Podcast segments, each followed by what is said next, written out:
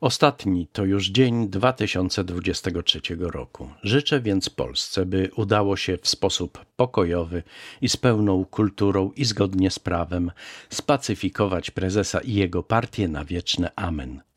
By słowa szczęśliwej Polski już czas ciałem się stały.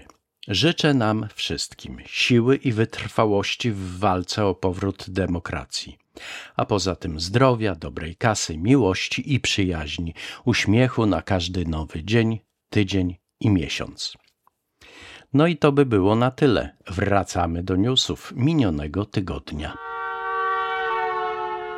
Prasówka, tygodniówka pod redakcją Tamary Olszewskiej od 25 do 31 grudnia 2023 roku.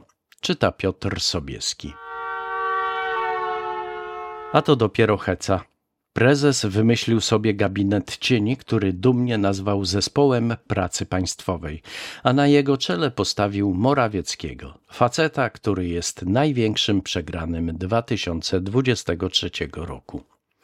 Ów zespół ma patrzeć koalicji rządzącej na ręce i być gotowym, by jak tylko to się uda, znowu dopaść do koryta władzy. No cóż, pomarzyć każdy może, nawet prezes. I co dalej z Kamińskim i Wąsikiem? Okazuje się, że Duda nie planuje ponownie ich ułaskawiać. Ale jeśli panowie wylądują za kratkami, to tenże Duda z całym swoim autorytetem i powagą funkcji, jaką piastuje, roześle do międzynarodowych instytucji informacje o tym, że w Polsce są więźniowie polityczni. No proszę, Białoruś ma Poczobuta, Rosja Nawalnego, a my będziemy mieć Wąsika i Kamińskiego. Watykan swoje, a polska instytucja kościelna swoje.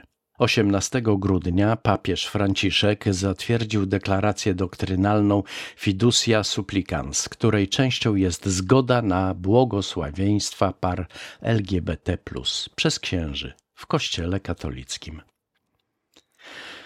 Co na to episkopat? Ano odpuścił sobie publikację polskojęzycznej wersji owej deklaracji i na swojej stronie zamieścił tylko komentarz, sugerując, że wezwanie papieża dotyczy jedynie, cytuję, pojedynczych osób żyjących w całkowitej wstrzemięźliwości. Koniec cytatu. No tak, papież może naszym rodzimym hierarchom kościelnym podskoczyć, bo oni wiedzą swoje i nie pozwolą byle komu mieszać w ich wierze.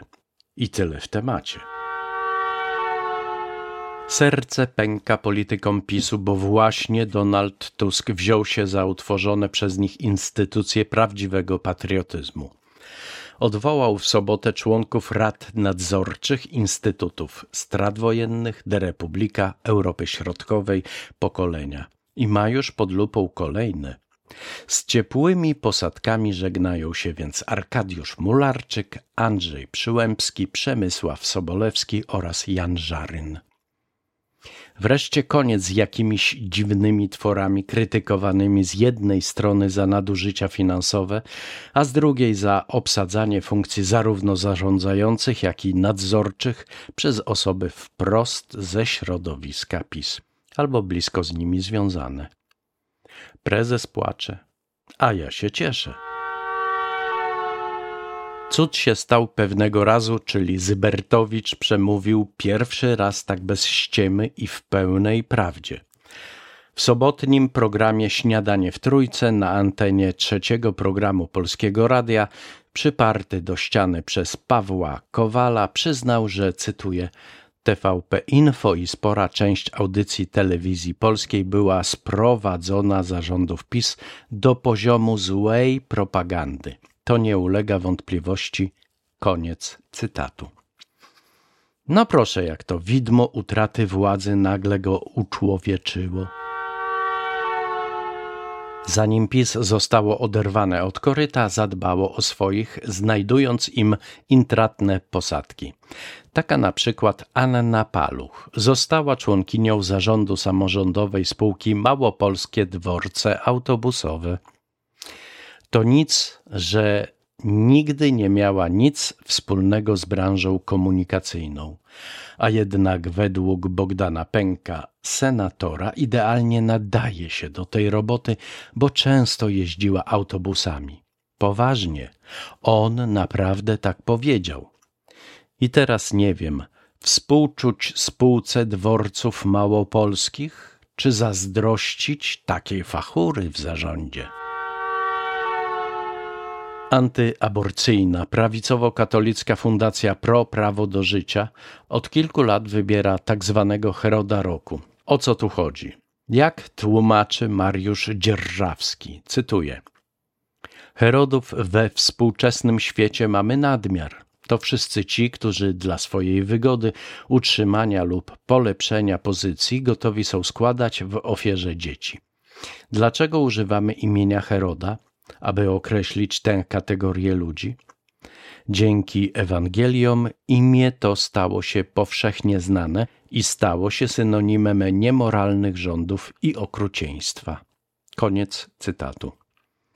Herodem roku 2023 został Duda za podpisanie ustawy gwarantującej finansowanie in vitro z budżetu państwa. No, panie Duda, ma pan coraz bardziej przerąbane i z lewa, i z prawa.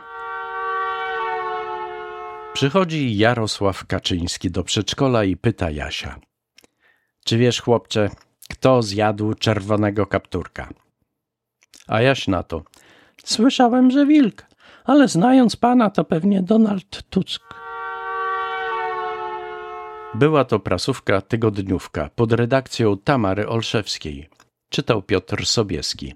Do siego roku i do usłyszenia.